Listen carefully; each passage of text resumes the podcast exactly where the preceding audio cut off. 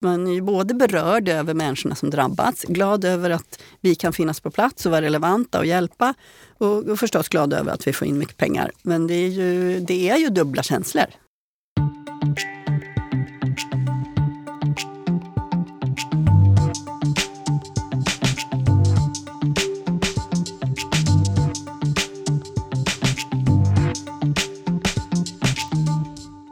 Henrik! Ted! Wow! Äntligen är vi här! Äntligen är insamlingspodden tillbaka i eh, era öron. Vi blir så till oss att vi pratar i munnen på varandra. Ja, men vi är ivriga att komma Ja, igång. det för eh, det har ju varit en längre paus kan man säga. Ja, Det var först pandemi och det var inte så enkelt att få människor att komma till studion. eh, För man satt hemma och jobbade och det var svårt att få teknik hem till folk. För vi vill ju sitta i den här fina studion uppe på Östermalm som vi sitter i nu. jajamän. Men nu är vi tillbaka. Jajamensan, nu är vi tillbaka och eh, vi har ju ett antal ämnen kvar på vår lista som vi vill gå igenom och, och dela med er som lyssnar på den här. Mm. Men fortsätt eh, såklart komma med fler tips.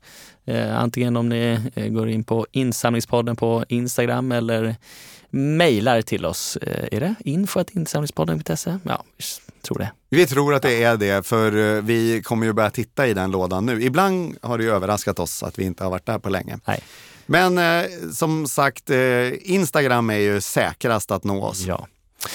Men eh, du, det har ju gått som sagt ett tag sedan vi satt här sist. Vad har eh, hänt i Henriks liv? Ah, I Henriks liv, det har hänt eh, mycket i mitt liv kan man verkligen säga. Men om vi här stannar vid det yrkesmässiga så har jag slutat vara konsult. Susen publik. Och istället så har jag blivit insamlingsansvarig på Neuro. Eh, en jättekul eh, tjänst eh, där jag eh, får ta med mig alla erfarenheter jag har och så får jag stiga in i en organisation och eh, eh, jobba med det. Det är en jättebra organisation, jag har jätteroligt på jobbet. Eh, jag har lite svårt med vissa såna här eh, saker. Eh, som att alla ska ha samma datasystem och att man ska eh, eh, tömma diskmaskinen och ja, ni vet hur det är på, på arbetsplatser.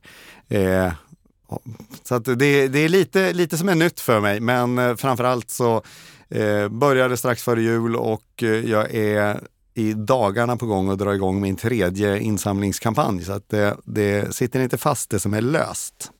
Ja, men grattis! Jättekul för dig Henrik. Mm. Eh, tack så hemskt mycket. Eh, Ted, eh, ditt liv händer mycket, men eh, jobbet, Operation Smile, vad händer där? Ja, men precis. Jag är kvar på Operation Smile. Jag älskar Operation Smile. Eh, Jag har varit här sedan 2015. Hade väl inte tänkt eh, då kanske att eh, eh, jag skulle sitta här och vara gråhårig och fortfarande jobba kvar. Men eh, det har ju varit en eh, otroligt häftig resa att vara med på. Eh, så att eh, ja, jag klev väl efter sommaren in i en ny roll, inspirerad av insamlingspodden. Klev in som eh, kampanjchef. Vi hade ju Johnny Federley här från Barncancerfonden som har väl samma titel kanske. Ja, vi Hur som helst, den podden är ju en podd ni ska lyssna på. Den eh, inspirerade både Ted och, och mig väldigt mycket. Så att eh, ta och löta upp den i flödet och lyssna på den. Eh, precis. Och sen i, eh, bara nu i februari så hade vi en omorganisering här så att eh, nu för tillfället i alla fall så är jag eh, marknads och insamlingschef. Bam! Bam. Det är ändå tungt. Så att nu sitter det två chefer här. Nu sitter det två chefer och har podden. Det, det har hänt en del sedan vi startade insamlingspodden i alla fall i, i våra liv och med våra karriärer. Men eh, nu sitter vi här och eh, det är krig alldeles in på knuten. Mm. Det är ju eh, inte alls eh, roligt. Eh, men det är, på grund av den kriget så kände vi att nu måste vi dra igång podden igen. För att eh, nu har För det hänt- samlas in pengar Det där samlas ute. in väldigt mycket pengar. Det finns ett enormt engagemang eh, och det måste vi ju fånga upp. Och jag som aldrig har jobbat eh, med katastrofinsamling tycker att det här eh, känns väldigt spännande.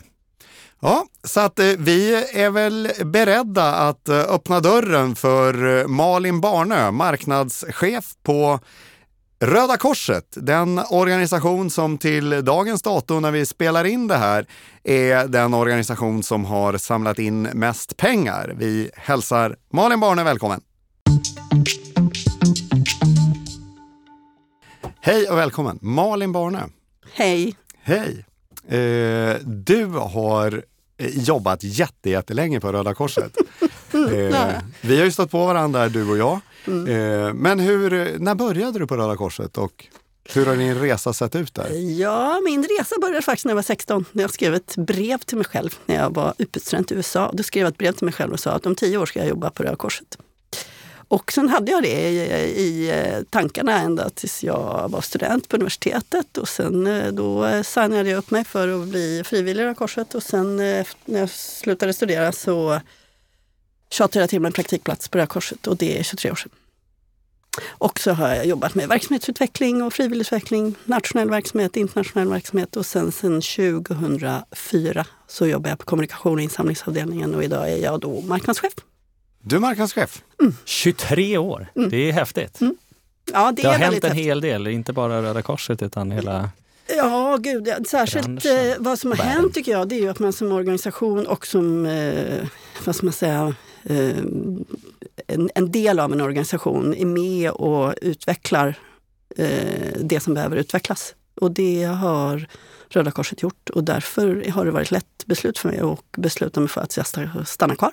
För att jag tycker det har varit en, en bra utveckling både inom eh, verksamhet men också inom hela digitala marknadsföringen som jag nu jobbar väldigt mycket med. Så att vi är väldigt mycket på liksom, framkant med uh, olika typer av digital utveckling och det har varit en, uh, en uh, stor ära att få vara del av det utvecklingsarbetet.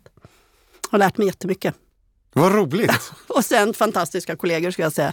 En fantastisk organisation som jag brinner väldigt mycket för och eh, fantastiska kollegor som gör att eh, det är lätt att gå till jobbet efter 23 år. Om man, hur personellt, hur, hur många är ni som jobbar med insamling? Ja du, det, om man skulle räkna i runda slängar på vår kommunikation och insamlingsavdelning så är vi ungefär ja, drygt 60 personer. Men då är det ju också infoservice, vår medlems och givarservice, det som vi kallar för infoservice. Vi har ju kollegor som jobbar med eh, direktdialog. Eh, vi har ju street to door eh, kollegor ute på, som rekryterar eh, regul, alltså månadsgivare året om. Och sen har vi då kommunikation som är också presspåverkan och sen har vi några enheter som bara som fokuserar på just insamlingsdelarna som är där vi nu, har, som jag nämnde tidigare, har jobb, jobbar med olika agila team för att vara snabbfotade. Mm. Vi är väldigt många helt enkelt. Ja, men vi är många.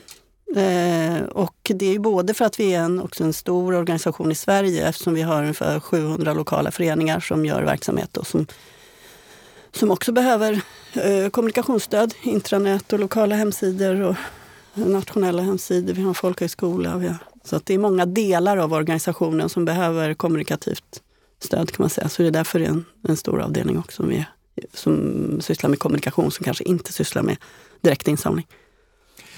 Vi har ju annonserat det här som att vi vill, vi vill prata med dig om kriget i Ukraina. Mm. Mm. Och då måste jag ju börja med att mm. ställa mm.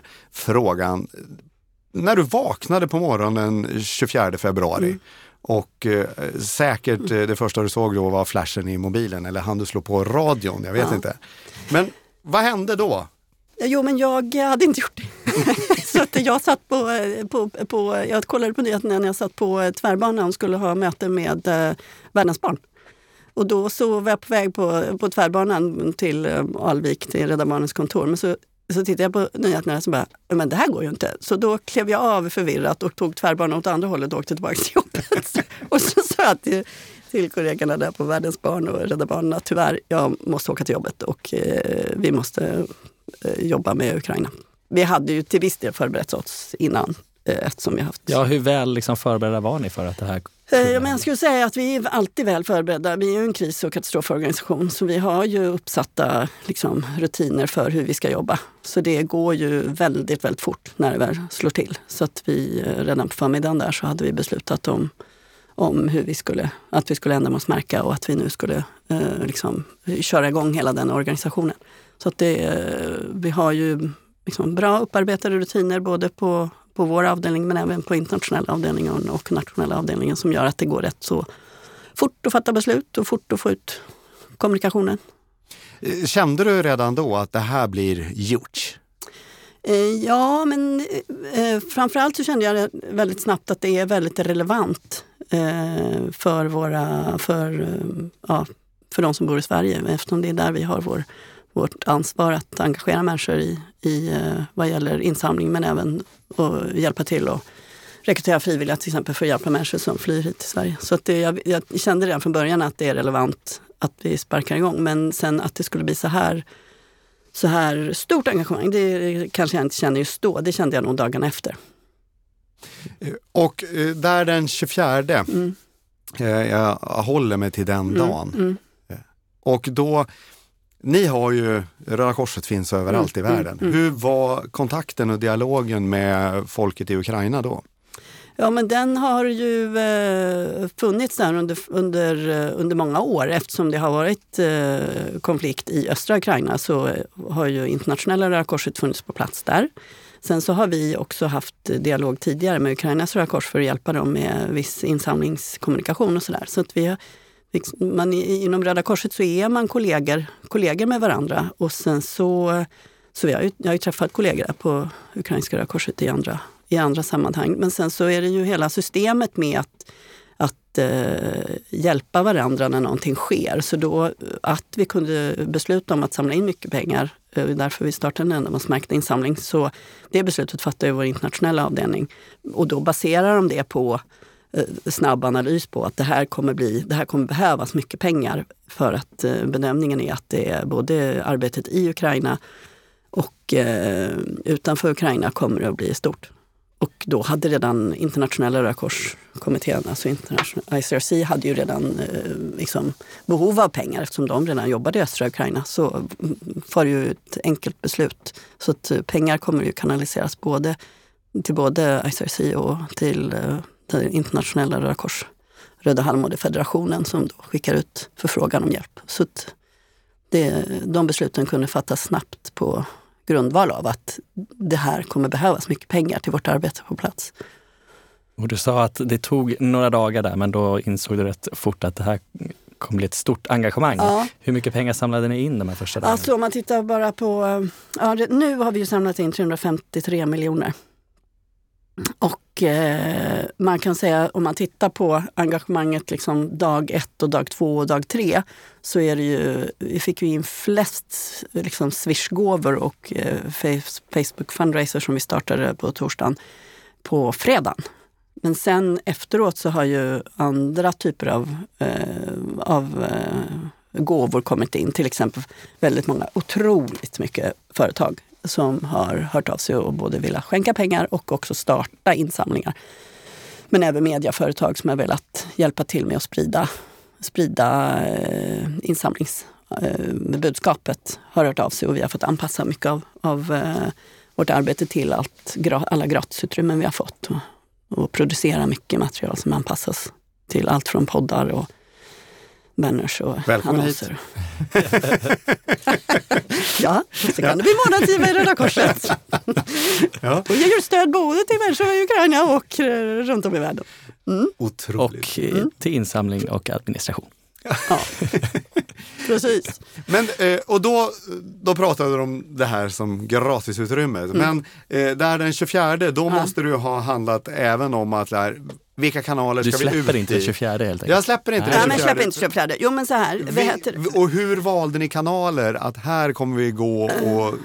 Hur gjorde ni rent ja, praktiskt? Men, jag ska släppa, det är min sista fråga om 24, jag lovar. Säger det sen, sen, får, sen jobbar vi oss igenom. Nej, men då, eh, sen kommer vi till 25 med. Nej, men så, jag vill bara börja med att säga att anledningen till att det också har blivit mycket pengar för Röda Korset i det här sammanhanget är ju delvis att vi har en väldigt relevant verksamhet och hjälper jättemycket folk i Ukraina och utanför Ukraina. Eh, och ett bra pressarbete. För att våra pressekreterare har ju haft väldigt hett om öronen och gjort ett otroligt arbete. Så vi Maud. Vad sa du? Maud. Ja, Maud bland annat. Men även eh, Isak Björn.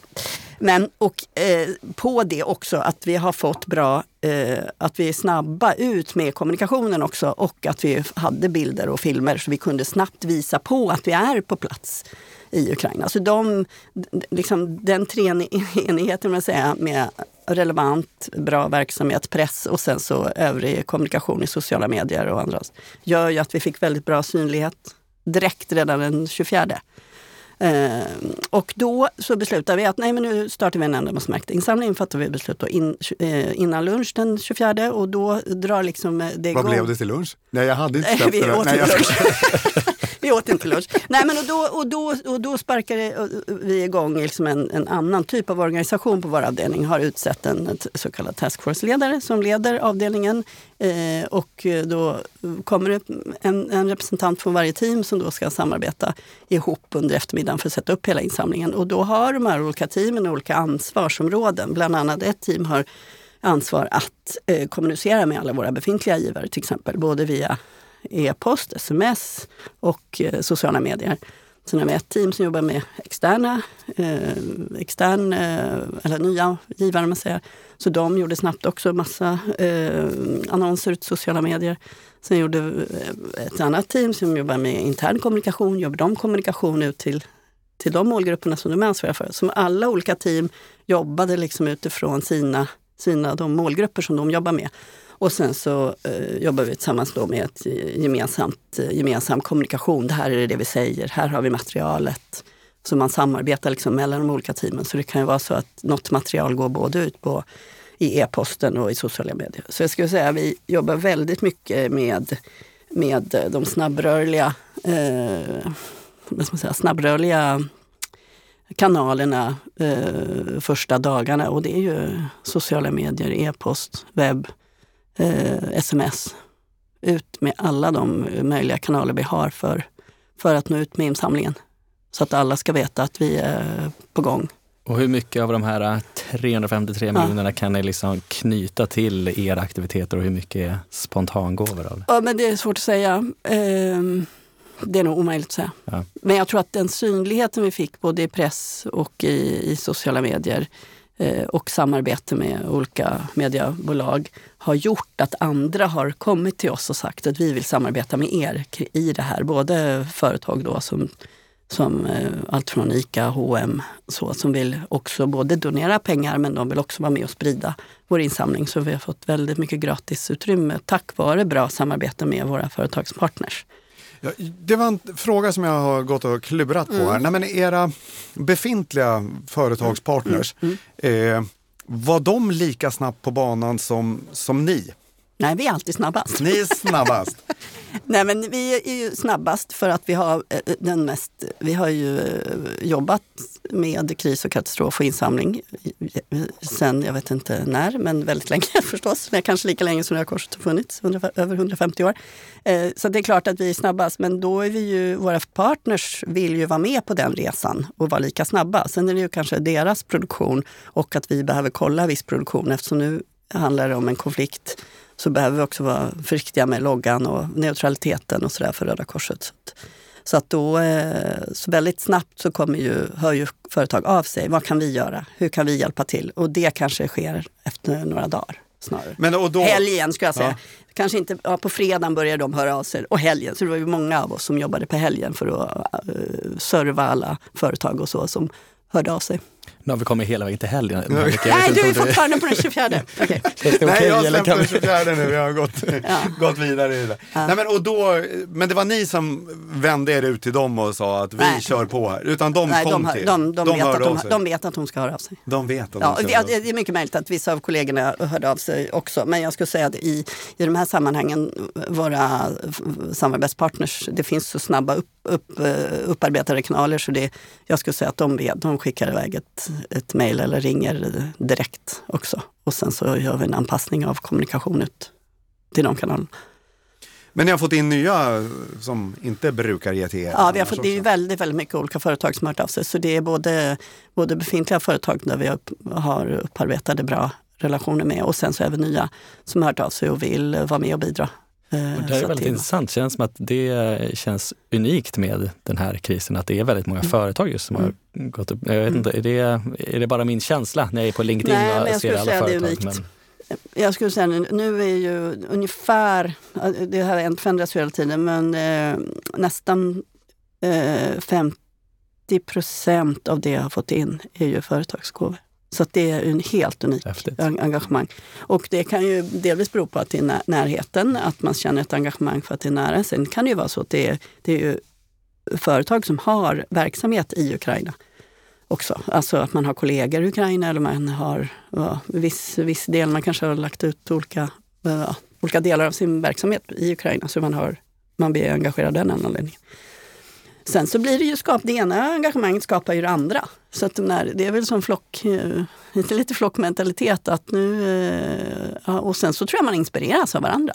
Alltså något företag gör någonting och sen så ser företaget, ja men det där, vi kan ju också vara med och hjälpa till.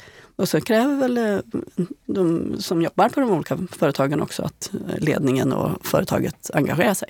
Så det finns nog ett tryck på, från olika håll. På ja, men, och det som sticker ut känner jag också, det är ju just summorna. Att ja. det, det är inte det här vi ger en stolt julklapp här på 5000 kronor. Utan ja, det är ju många ja. miljonbelopp. Ja, det är seriöst stora belopp. Ja, verkligen. Vilken är den största gåvan ni har fått? Ja, men det är H&M. Det är H&M. Mm. Och de har gett? Ja, det är från deras stiftelse. Ja. Hur mycket har de gett? Nej, men de har gett eh, 75 miljoner. 75 miljoner? Mm. Grattis! Ja. Så att det, det, är deras stiftelse då. Mm. Nu kanske jag säger fel exakt vad stiftelsen heter, men det får jag ju kolla upp i så fall. H&M Foundation. Mm. Mm. Men för att sätta de här 353 miljonerna mm. i perspektiv. Mm. Mm. När jag bara snabbt igår kollade på senaste årsredovisningen så stod det att eh, eh, när man tittar på gåvor, att då var det 350 miljoner. Eh, så ni har alltså samlat in i stort sett ett års insamling på några veckor. Yes. Eh, och det är ju eh, på grund av att det är sådana stora behov. Och att man ser, eh, alla ser behovet och vi har en stor verksamhet på plats i Ukraina och runt om i Ukraina. Så att så vi också kan kanalisera de här eh, pengarna som kommer in. Både i Sverige och det är ju, insamlingen går ju bra i många andra länder också. Så det är inte bara vi som samlar in mycket pengar till ja, korset. Och just det du säger, alla människor ser ju behovet och, och alla vill hjälpa till mm. på mm. ett eller annat mm. vis. Eh, två frågor på det mm. temat. Jag släpper mm. nu datum och går in på engagemangs Nej. Eh, nej men era kretsar, hur, hur har det sett ut där? Har, eh, har de varit engagerade? Ja, absolut. Det är den tredje grejen som jag kanske inte har pratat om här. Och det är ju, eller tredje delen av vår, vår, vårt engagemang kring insamling. Och det är ju våra lokalföreningar, de som vi kallas för kretsar. Då. Eh, och eh, där har det varit ett jättestort engagemang också. Så det är ju delvis att de organiserar event och sen så, eh, så är det ju mycket av försäljningen i våra second hand-butiker som, som också går till arbetet i och kring Ukraina. Så att det är ju, de har varit jätteengagerade. Nu är ju vissa av dem också engagerade i själva verksamheten eftersom man också Eh, när det kom människor som kommer hit till Sverige också från Ukraina som behöver stöd så är vi ju aktiva lokalt också kring det. Så det kan ju vara både insamling och eh, själva, verksamhets, mm. själva verksamheten. Så att, eh, men, och det är de pengarna kommer in efter ett tag för de gör ju aktiviteter. Sen sätter de in det. Så de, Swish-gåvorna kommer, Swish och webbgåvorna för, kommer först, sen kommer företagsgåvorna, sen kommer eh, gåvorna från lokalföreningar för att det tar en stund för dem att eh, samla in dem och sen eh, sätta in dem på bankgirot.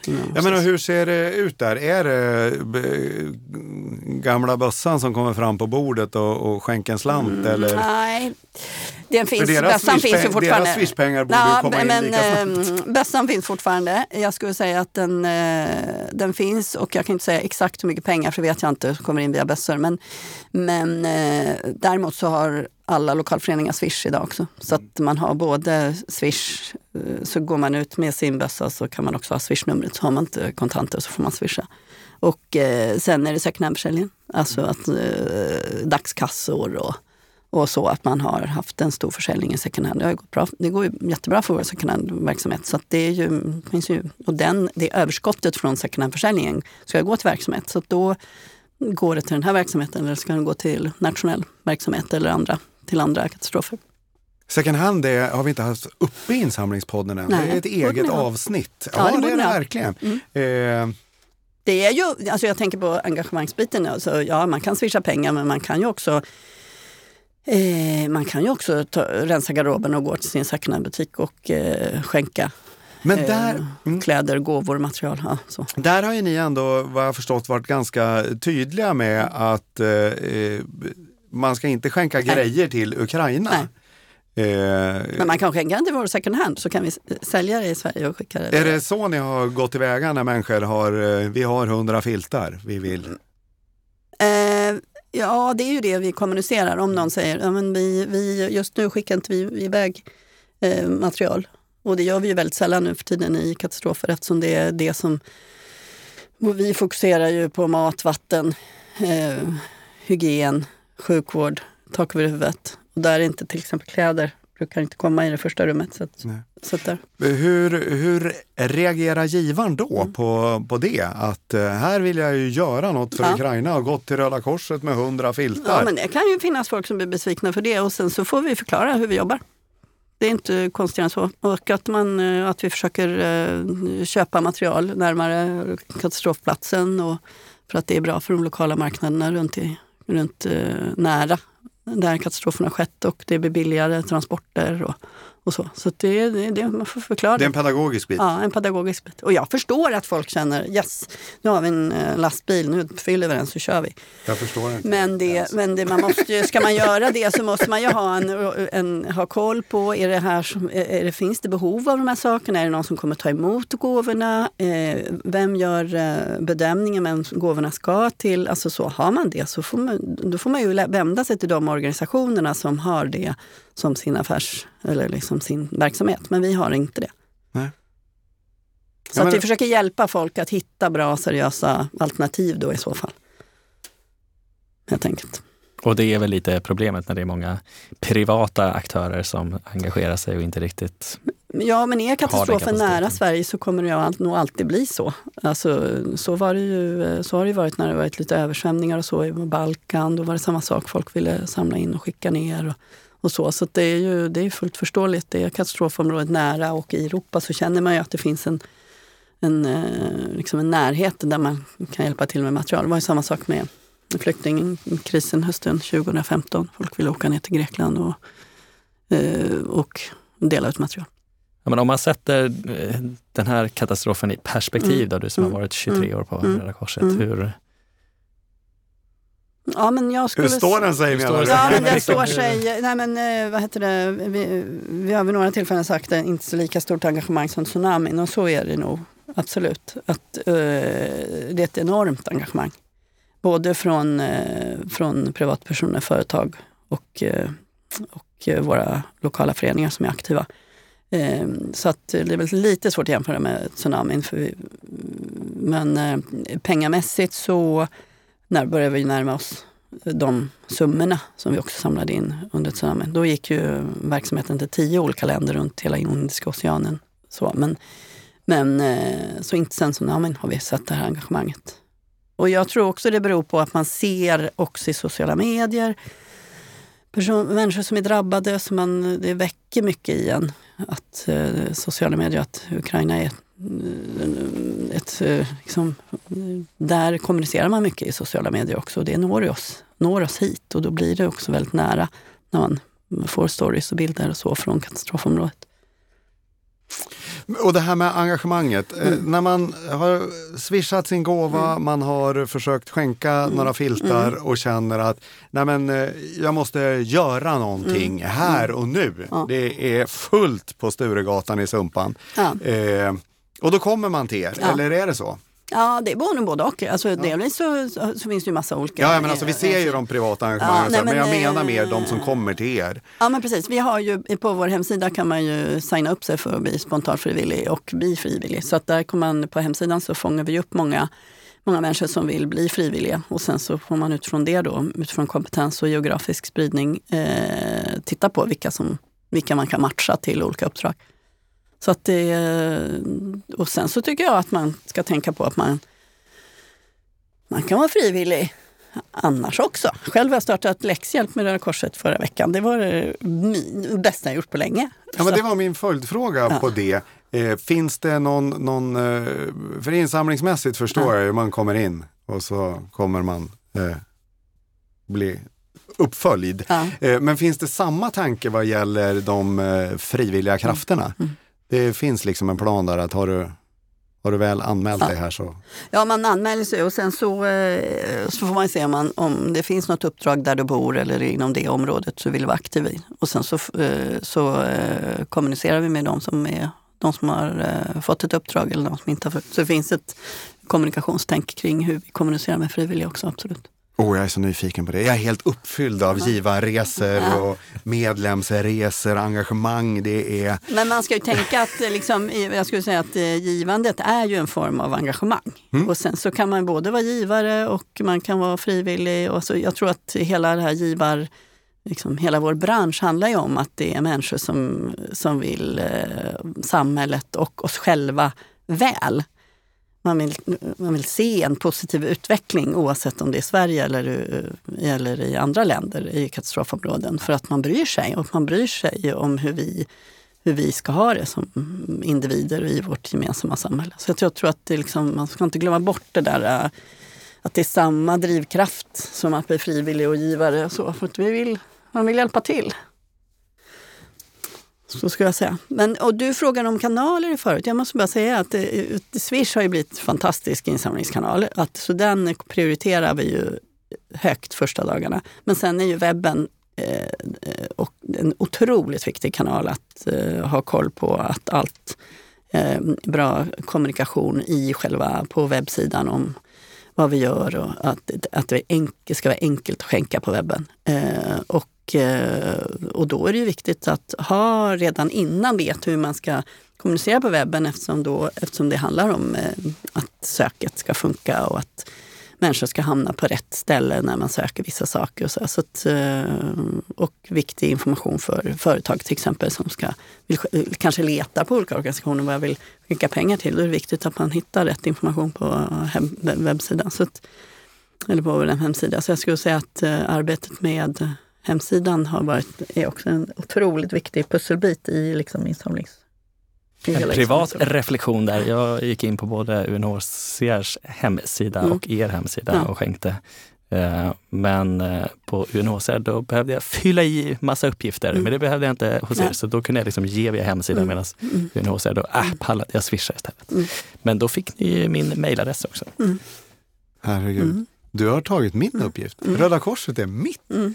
Vi, parentes, vi, Ted och jag håller på att göra ett test mm. eh, på eh, swishgivandet ja. just. Mm. Eh, vi har swishat 30 organisationer mm. eh, för att se hur vi blir behandlade. Eh, och ni är ta mig fan bäst. Nej, sant? Ja men alltså ni är, ni är så frukt, ni har en bra ja. tonalitet men det är ju för att jag gillar er. Men ja. eh, det kan ju vara andra som inte liksom, eh, men alltså ni är snabba, ni mm. har bra frekvens, mm. Eh, mm. det är på många olika mm. sätt. Mm. Ni är en mönsterelev mm. eh, på det viset. Nu, det, det, där kommer vi klippa bort för det där måste folk betala för att höra. Men eh, jag skulle vilja säga en annan sak också för, som har varit viktig i vår, vårt kommunikationsarbete här nu i, eh, i Ukraina och det är att vi väldigt tidigt bestämde att även mm, månadsgivarnas pengar, en viss del av de månadsgiva pengarna som vi samlar in också ska gå till Ukraina. Vilket har gjort att vi väldigt tidigt kunde också liksom ställa om i vår kommunikation och jobba med långsiktigt givande. Eh, så att vi också kunde rekrytera månadsgivare i liksom Ukraina Fasen var smart. kommunikationen. Så det beslutet, du som pratar dagar här, det beslutet fattade vi på måndagen. Mm. Mm. Så att då kunde vi redan på tisdagen gå ut och med kommunikation kring, kring eh, att man också, att genom att bli månadsgivare så stödjer man människor i Ukraina, eller kring Ukraina, i och kring Ukraina som flyr eh, och även vara aktiv i andra katastrofer runt om i världen eftersom vi är aktiva i eh, ett, ett antal, stort antal katastrofer där människor behöver hjälp Inte bara i och kring Ukraina. Så det var ett viktigt beslut. Och så kom det en uppräkning utav Jemen. Vad sa du? Då kom det en uppräkning utav Jemen och andra pågående. Ja men det är, tyvärr så är det ju andra människor som har det svårt också, som också behöver vår eh, uppmärksamhet. Och då kan det vara ett sätt att, att liksom, eh, få de här och enorma engagemanget som är nu, att faktiskt hålla lite längre. Att, inte, eh, ja, att pengarna som samlas in nu också kan gå utifrån ett långsiktigt perspektiv. Och hur många månadsgivare har ni lyckats rekrytera? Ja du, eh, det kan inte Många. jag svara på direkt. Men jag tog ju fram några siffror i fredags till när jag pratade i radion. Och då hade de, om man jämför liksom samma period förra året så hade vi ökat antalet månadsgivar eh, Eh, liksom, konverteringar på webben med ungefär 250-300 procent. Så typ det hade ökat. Men sen ser vi ju eh, även, vi rekryterar månadsgivare på, på stan och street to door. Och där går, där ju, går ju samtalen mycket, mycket lättare med mycket lätt, eh, liksom bättre resultat i konverteringarna för våra kollegor som är ute på stan och pratar. Så det, är ju, det, det, är olika kanaler som funkar bra. Men webben, om man bara tittar på webben så hade det blivit en ökning med 250-300 procent. Så det, går ju, det går ju bra. Men är det så ni tänker framåt också? För alltså, om man jämför med tsunami så ja. var ju det en enskild mm. händelse medan här, här är ett krig ja. som säkerligen mm. tyvärr kommer att pågå ja. länge och hur liksom långt kan man dra det här insamlingsmässigt? Och... Ja, men, eh, vi har, det här beslutet att ställa om att också prata månadsgivare, det, det beslutet tog vi hösten 2015 faktiskt. Efter den, efter den eh, liksom, kat, eh. Så, så, så och då sa vi, eh, vid nästa större katastrof måste vi tänka på att också börja rekrytera månadsgivare tidigare för att, så att vi liksom kan behålla engagemanget. Eh, eftersom behovet av hjälp kommer att vara längre än mediernas intresse för olika konflikter eller katastrofer. Så att, så att, eh, och så kan det ju vara med Ukraina också. Det har ju varit eh, konflikt i Ukraina sedan 2014 och där vi har varit jätteaktiva. Men det har ju varit svårt att samla in pengar till det. Det har varit eh, minimalt intresse. Samma sak med Jemen under många år. Jätte, jättegigantiska behov. Men det har ju varit svårt. Och så någon gång när det blir större medialt intresse så går det att, att samla in pengar, liksom lite mer pengar till Jemen. Men det är ju, det är ju medialogiken som, som spelar in där och då är det ju viktigt att hitta de här långsiktiga långsiktiga givarlösningarna så att vi kan finnas på plats för människor oavsett om media är intresserade eller inte. Så att eh, det är det som är tänkandet att, att uh, vara uthålliga. Att inte bli så sårbara heller för det mediala. Och där är ju månadsgivarna helt briljant. Så, det vet ju alla organisationer som lyssnar på den här podden, hur viktigt det är. Men era befintliga givare, hur har ni jobbat med dem under krisen? Ja, jag skulle säga, jag, jag, nämnde ju där att vi har olika team som jobbar eh, med olika målgrupper och då är det ett team som har huvuduppgift att jobba med våra befintliga, eh, våra månadsgivare, med, våra befintliga engångsgivare och eh, med medlemmar. Och det, och, och, det är otroligt viktigt att för, för de individerna, människorna, att känna att min, min relation till Röda Korset är högst relevant nu. Eh, så det är jätte, jätteviktigt att tänka på de befintliga givarna eh, och medlemmarna i de här sammanhangen och inte bara jaga efter, jaga efter nya. Eh, för att eh, då stärker vi också relationen till dem, till de eh, människorna om att de är värdefulla. Så att i, eh, i, när vi drar igång det här, då är det ju eh, e-post ut, eh, sociala medieannonser och det, och det är sms ut för att visa att vi är relevanta. Vi och hur hade... hårt har ni gått på månadsgivarna då, som redan ger? Har ni bett om extra pengar? Där, eller? Ja, men det är både och. Delvis så får de bara information. Vi är på plats. Det fick de faktiskt redan den 23. Redan innan? ja, nej, men de, vi var ju på plats. Ja. Så att, eh, vad heter det, vi, vi, redan dagarna innan började vi kommunicera att vi är på plats eh, eftersom det började eh, dra ihop sig. Ja, vi visste inte, ingen visste ju vad som skulle hända den 24 men, men vi visste ju att det det mullrades. Och då var det viktigt att visa att vi är på plats. Så det gick ut redan dagen innan. Och sen eh, är det både att vi, återigen visa att vi är på plats när vi får bra, bra bilder och stories och sådär. Och sen i vissa fall fråga om en extra gåva. Och då vill ju folk gärna ge en extra gåva. Det är jätte, jättemånga av månadsgivarna som ger en extra gåva. Och hur tänker ni med de befintliga nu framöver? Då? För Mm. man kan ju inte hålla på och pusha för mycket heller. Nej, och det är ju en balansgång där. Både att bekräfta den gåvan eh, och be om, om nya gåvor. Så det får inte bli, liksom, man måste ju liksom, akta sig för att uh, fråga för mycket. Men sen är det ju, vi har ju vårt uh, lojalitetsprogram att vi ringer våra givare en gång om året och ber dem uppgradera. Och uh, nu har vi fått in mycket nya Eh, nya, eh, liksom reaktiverat en del av de här befintliga givarna. Då ringer vi upp dem och ber dem bli månadsgivare till exempel.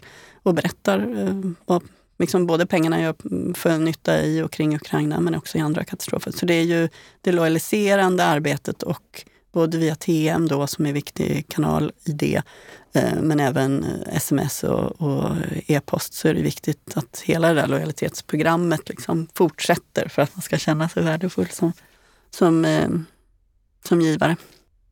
Hur stor Yes. koll har ni haft på de andra organisationerna? Under just nu så bo, lite. Vi, vi eh, försöker ju vara snabbast men nu, nu, för att vi vet hur viktigt det är att vara snabbast. Men oftast när vi, det här sker så kollar vi ju hur, ja, men hur gör de andra nu då? Hur, har de gått ut eller hur tänker de? Så att vi spanar ju på de andra organisationerna för att se hur de kommunicerar. Jaha, nu säger de det. Ja, nu säger de, ja, men, då, men eh, i vissa av de här sammanhangen så hinner vi ju inte riktigt eh, omvärldsspana. Men när vi hinner så spanar vi in de andra organisationerna för att se om hur, hur de kommunicerar och går in på deras hemsidor och kollar hur har de, har de startat eller har de inte. Och sådär. Men i det här fallet tror jag inte vi hann det faktiskt. Utan det får man ta efter några dagar. Ja, men också blir det ju såna här gemensamma eh, satsningar Mm. och, och där pengarna delas upp i, Ja. emellan Ja. er. Till Ja. exempel som eh, TV4 Ja, så här precis. nu nerifrån Ja. Mm. eh, Kungsträdgården. Ja. Eh, hur sker samarbetet mellan er där och då? Ja, precis. Vi har ju en upparbetad, upparbetat avtal med TV4, några organisationer. Och sen så när det här sker så just eh, den här, de två senaste gångerna har vi varit den som är liksom sambandsorganisationen mellan de andra. Eh, för att det är vi som har den liksom lösningen på hur vi löser vårt gemensamma eh, insamling. Så vi har skapat ett specialt, speciellt bankkonto för det här där man då kan swisha in pengar. Så att också givardata och så inte kommer in till, till oss utan eh, då kommer det till ett specifikt bankkonto eh, som vi har satt upp sedan tidigare.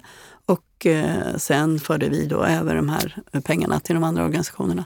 Så att, eh, nu har vi gjort det i några år. Det är också väldigt liksom, bra, väl upparbetat samarbete både med TV4 och de andra organisationerna. Så vi brukar vara väldigt liksom, eh, snabba på att sätta upp dem, upp de samarbetena. Oftast så är det ju så att ja, men nu startar vi och så ska det upp ikväll. Så har man några timmar på sig att fixa det. Då blir det lite stressigt. Men, eh, Men initiativet, eh, är det som med Radiohjälpen då när man jobbar med TV4 Mm. eller kom, kommer initiativet från fyran? Ja, Att det vi- kan, vara, det kan gå både håll. Jag, eh, I det här fallet så tror jag att det var vi som hörde av oss till TV4 och frågade om de ville dra igång vårt samarbete. Och det sa de Knack, ja. knack, det är dags nu. ja, precis. Och ibland så kan de Känner ni inte det själva? Ja.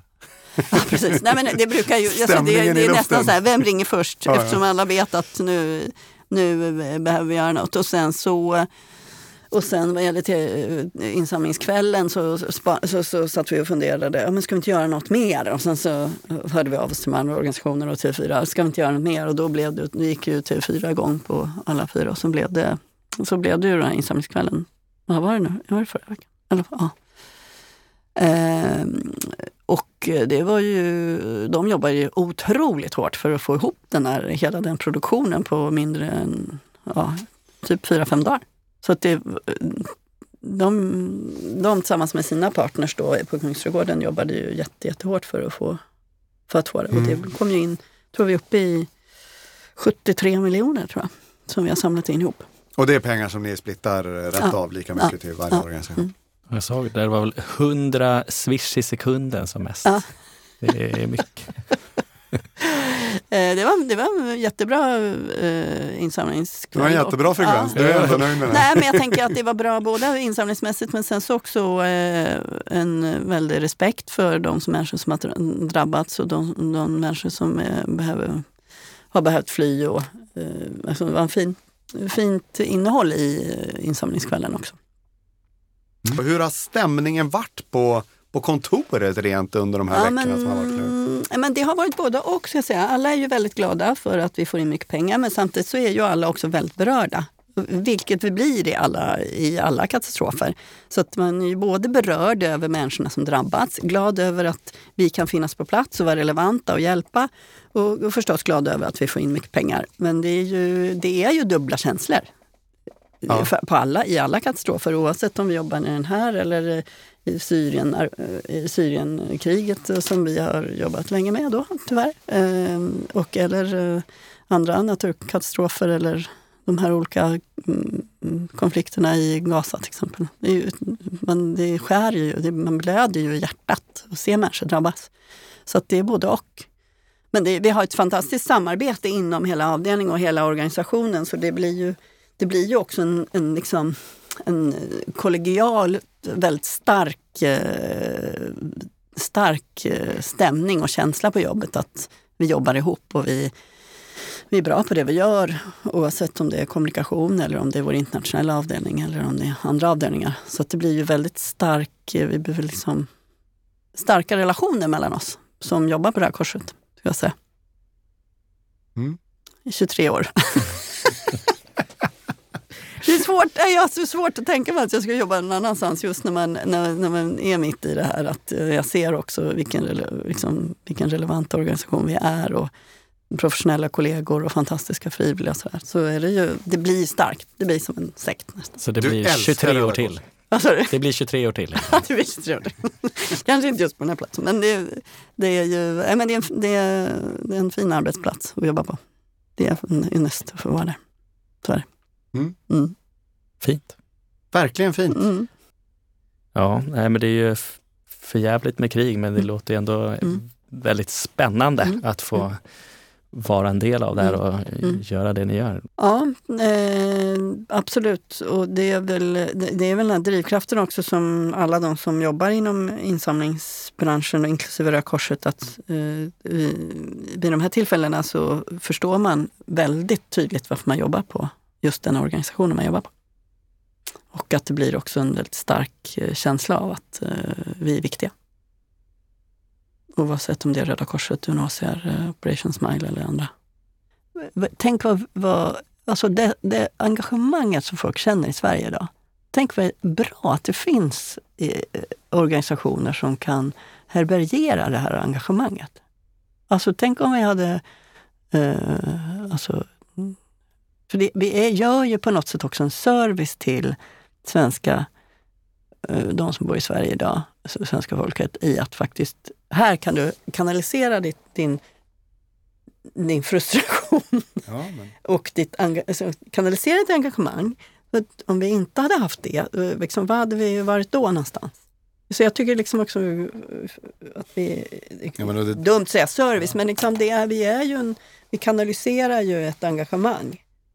Ja, men och det är ju det viktiga samspelet vi har i eh, det svenska samhället. Ja, Mellan stat, näringsliv och ett starkt civilsamhälle. Ja, ja, Eh, tar inte civilsamhället sitt ansvar eh, så, så blir det svenska samhället Nej, men tänk, tänk, om vi, tänk om vi då, nu, nu låter det helt otroligt, men tänk om vi skulle säga att nej men vi, eh, om alla de företag som har hört av sig till exempel, nej men ni får gå någon annanstans med ert Jag skickar direkt. Ja, det låter jag inte. Eh, så att vi har ju, vi har ju liksom, vi insamlingsorganisationer har ju byggt upp ett bra system för att vid de här händelserna eh, ta hand om det här engagemanget. Och det tycker jag är väldigt häftigt. Och det, och det pratar jag inte bara Röda Korset, det är ju de andra organisationerna också som, eh, eh, som eh, förstås vill samla in pengar, men det är ju också en, en eh, engagemangsservice. Det låter jättekonstigt. Nej men alltså det låter, jag förstår och jag håller med för det blir, eh, det blir liksom ett kvitto på vad det svenska samhället egentligen är. Ja. Eh, det här jag pratar om, det samspelet. Det, eh, I katastrof så blir det så tydligt. Eh, tydligt kvitto på vad, vad som är det Att vi svenska behöver samspela.